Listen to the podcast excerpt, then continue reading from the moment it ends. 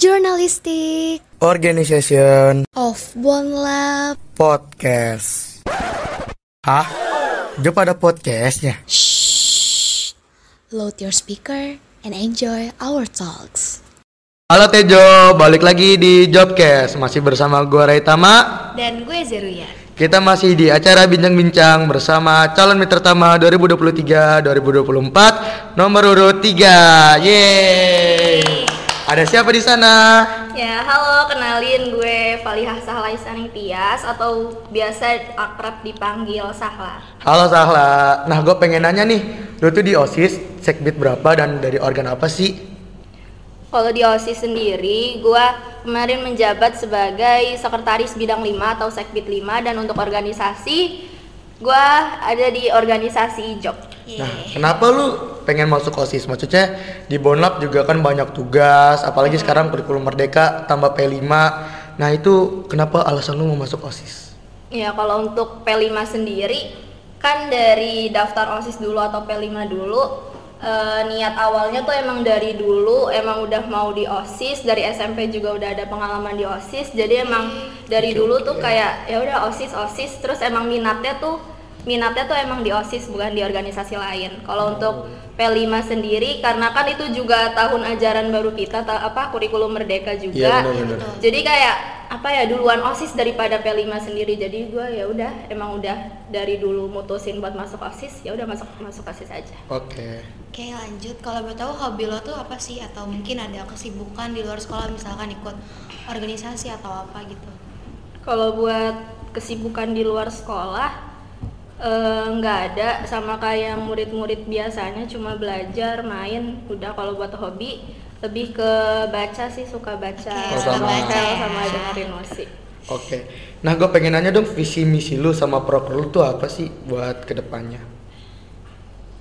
Oke, visi misi dari visi dulu kali ya. Boleh. Kalau visi itu, eh, visi saya yaitu menjadikan OSIS SMA Negeri 1 Tambun Selatan sebagai organisasi yang profesional, berkualitas, progresif, aktif, dan juga cakap guna lingkup SMA Negeri 1 Tambun Selatan maupun lingkungan eksternal dengan berlandaskan nilai-nilai Pancasila. Nah, tadi kan dijelasin di visi itu eh, ada kata cakap ya. Jadi eh, menurut saya ini kriteria pemimpin yang cakap adalah eh, yang memiliki kompetensi kepemimpinan yang bisa diandalin. Terus secara umum kompetensi dapat eh, diartikan itu sebagai pengetahuan, keterampilan dan juga nilai-nilai dasar yang diref, eh, yang direfleksikan dalam kebiasaan berpikir dan bertindak. Nah untuk mewujudin visi yang tadi itu gue juga punya ada lima misi. Buat misi yang pertama itu yaitu eh, mengimplementasikan nilai-nilai ketakwaan dan keimanan terhadap Tuhan Yang Maha Esa.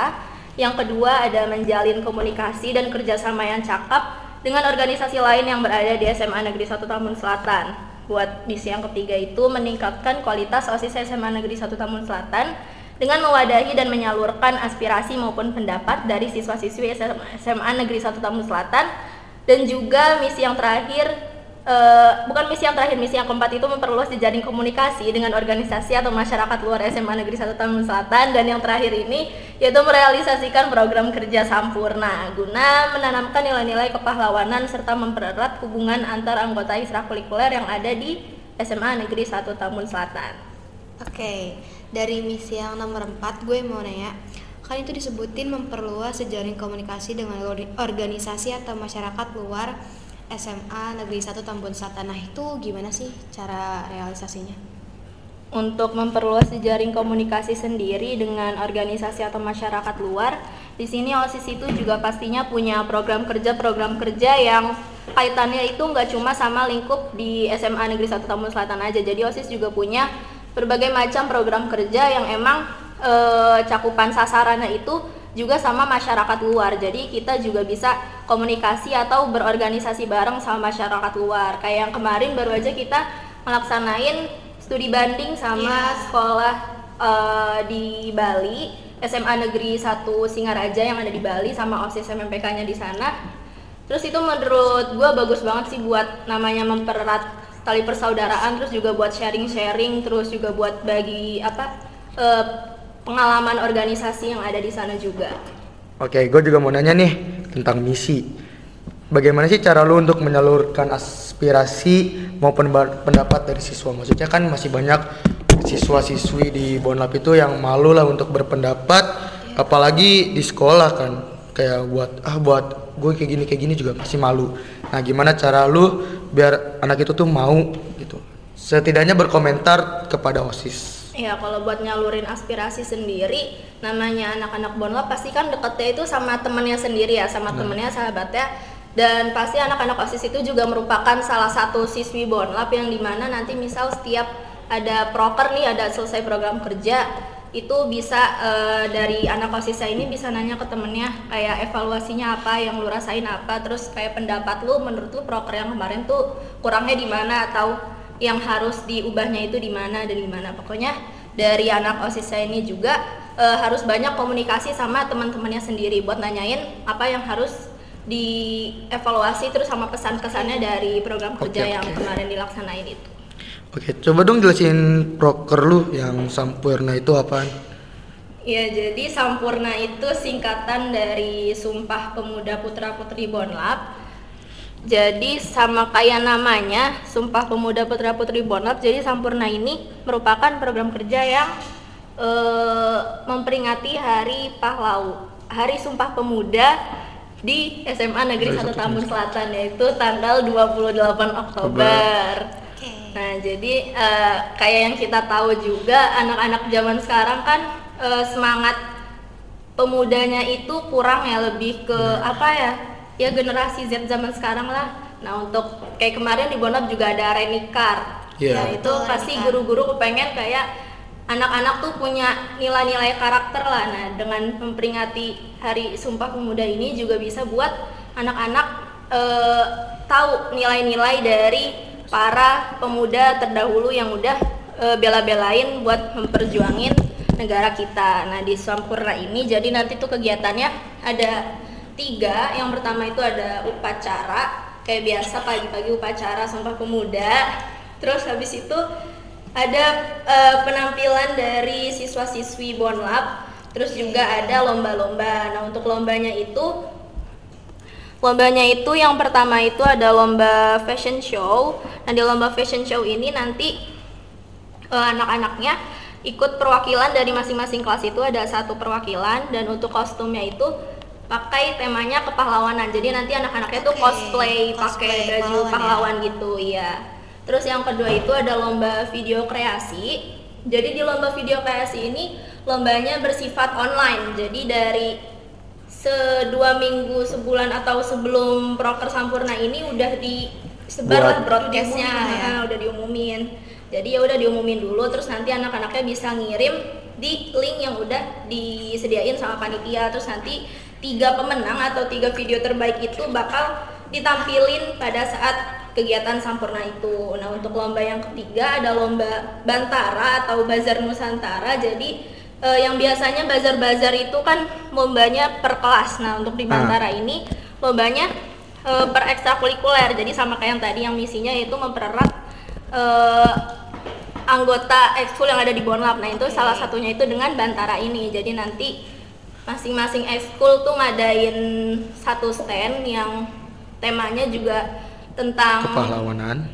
Ya, jadi nanti ada eh, kayak misal dulu yang P5 kita itulah. Iya, iya. Jadi nanti dikasih apa namanya? Hiasan. daerah-daerah gitu. Daerah-daerah, Ya, nanti oke. ditentuin gitu daerahnya.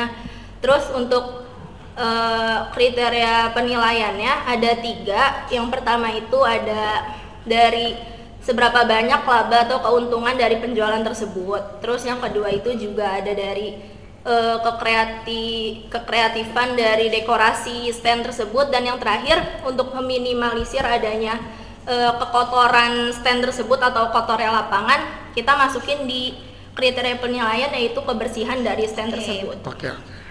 Oke lanjut nih, kan lo udah mikirin proker ini.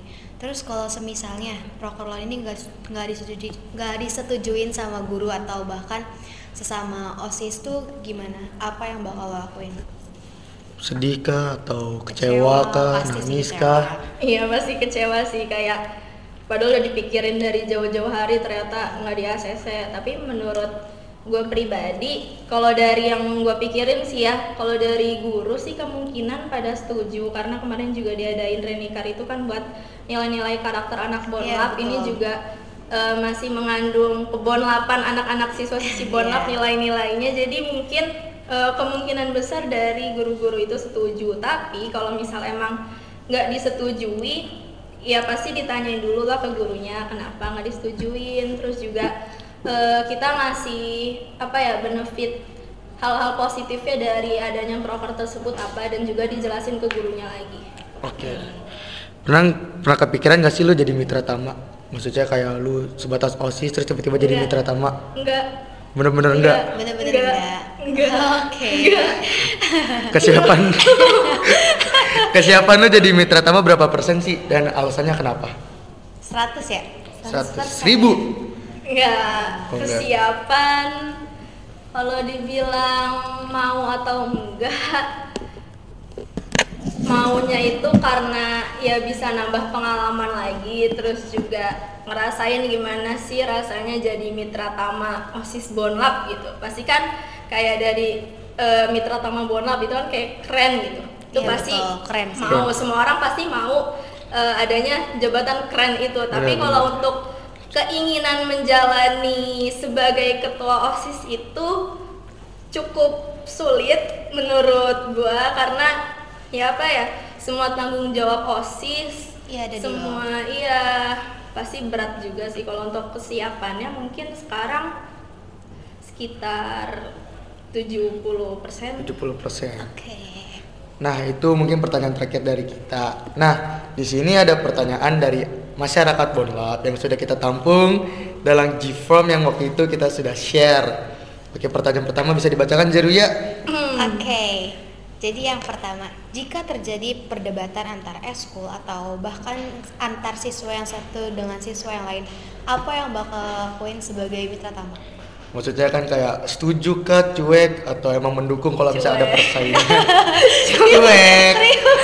Maksudnya kalau misalnya ada persaingan kan orang-orang jadi kayak berlomba-lomba untuk menjadi nomor satu seperti ya itu Ya, kayak semua orang berlomba-lomba soal nomor itu satu. gimana? Ya itu tanggapan tuh lu. ribut kericuhan ribut atau Bisa kayak demos deh, demos, Iya. demos kan kayak teriak-teriak, kayak Ya, saling ada- ardu, ada yang yel-yel segala saling macam. Adu ya, kayak gitu.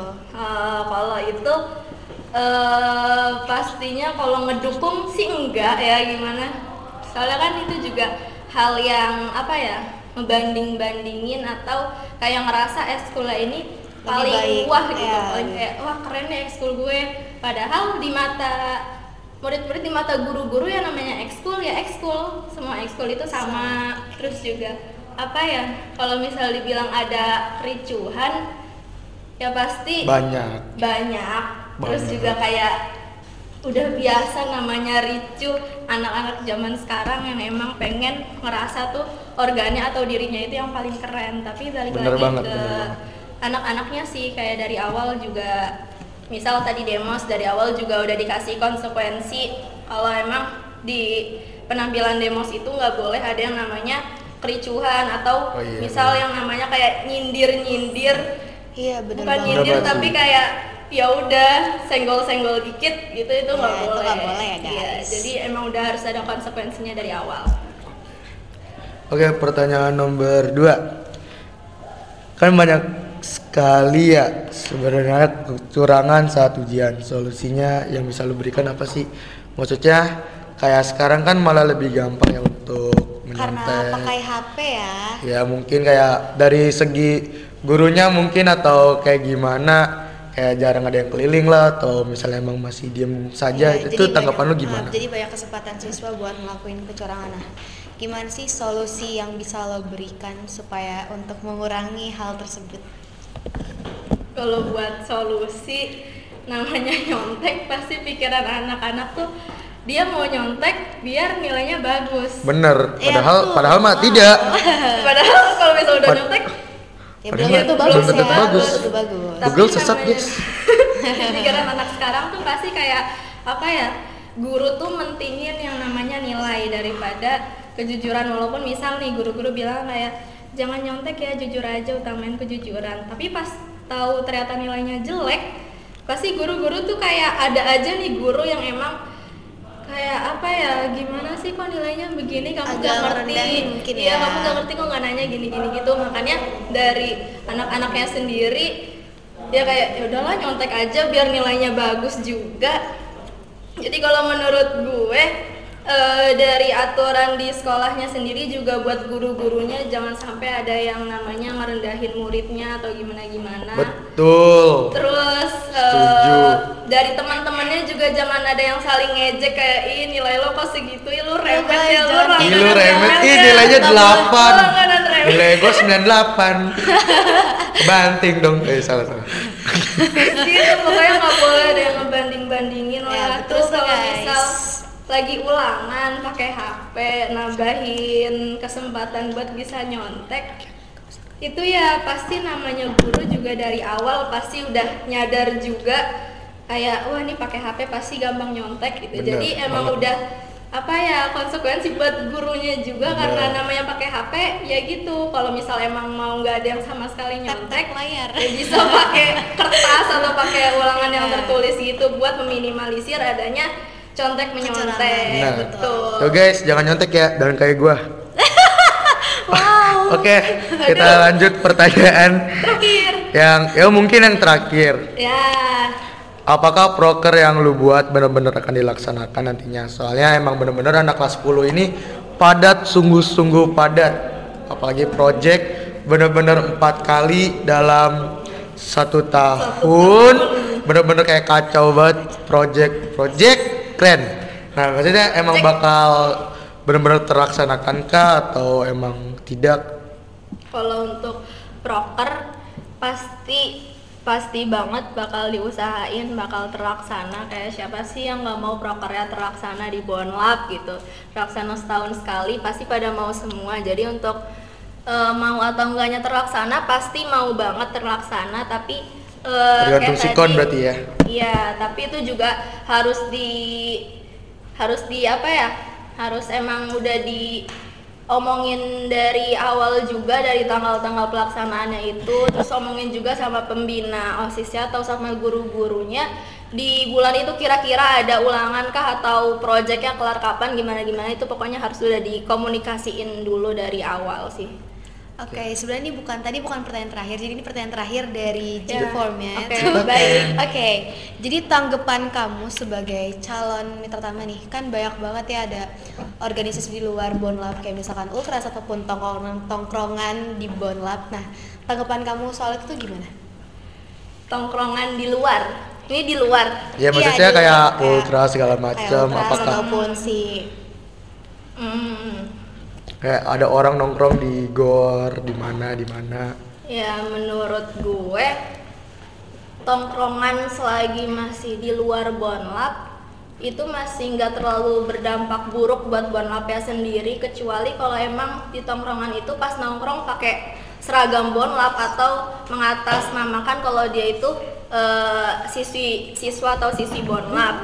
Jadi selagi misal dia nggak buat kericuhan atau hal-hal yang nggak- mengatasnamakan bonlap lah Iya, terus gak selayaknya anak SMA ngelakuin itu menurut gue nggak apa-apa aja tapi kalau emang misal udah ngelewatin batas terus juga dilihatnya tuh dipandangnya tuh sama masyarakat tuh nggak enak kayak wah Bener, kok bener. Bener banget. baru SMA tapi gayanya udah kayak gini udah ngelakuin ini itu itu tuh apa ya nggak lah nggak banget apalagi juga bawa-bawa nama Bonlab Bener. kayak misal lagi nongkrong terus kayak wah anak Bonlab gini-gini. Itu enggak sih kalau dari gue. Oke.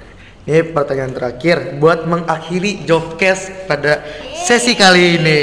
Baik. Seberapa pantas anda jadi mitra tama udah kayak lagu tuh seberapa pantas? Jangan ntar copyright jangan. Oke, seberapa pantas? Berapa Kalau persen? Buat 100 1000 100 lah ya. 1000 persen kah saya dari tadi kayaknya ada yang 1000 ada yang 500 Wow, ngaram banget ya. wah jujur sekali ya saya Seberapa pantas? Eh, itu menurut kalau menurut diri saya sendiri karena dulu pas di SMP juga udah pernah jadi ketua OSIS jadi menurut saya saya pantas buat jadi mitra tama yang sekarang tapi Oke, ya oke. bisa dilihat dari sudut pandang anak-anak bonat juga sama guru-guru juga kayak saya ini pantas gak sih kalau dari pandangan orang lain tuh gimana saya juga kurang tahu jadinya eh, sebisa mungkin kalau misal memang takdirnya saya sudah nanti misal kepilih misal kepilih ya misal kepilih Bisa jadi mitra taman nih ya. eh, saya pasti akan berusaha pasti bakal apa ya gue bakal ya udah ngelakuin apa yang harusnya gue lakuin dan ngelakuin yang terbaik buat bonlap sama buat osis Berarti 100% nih.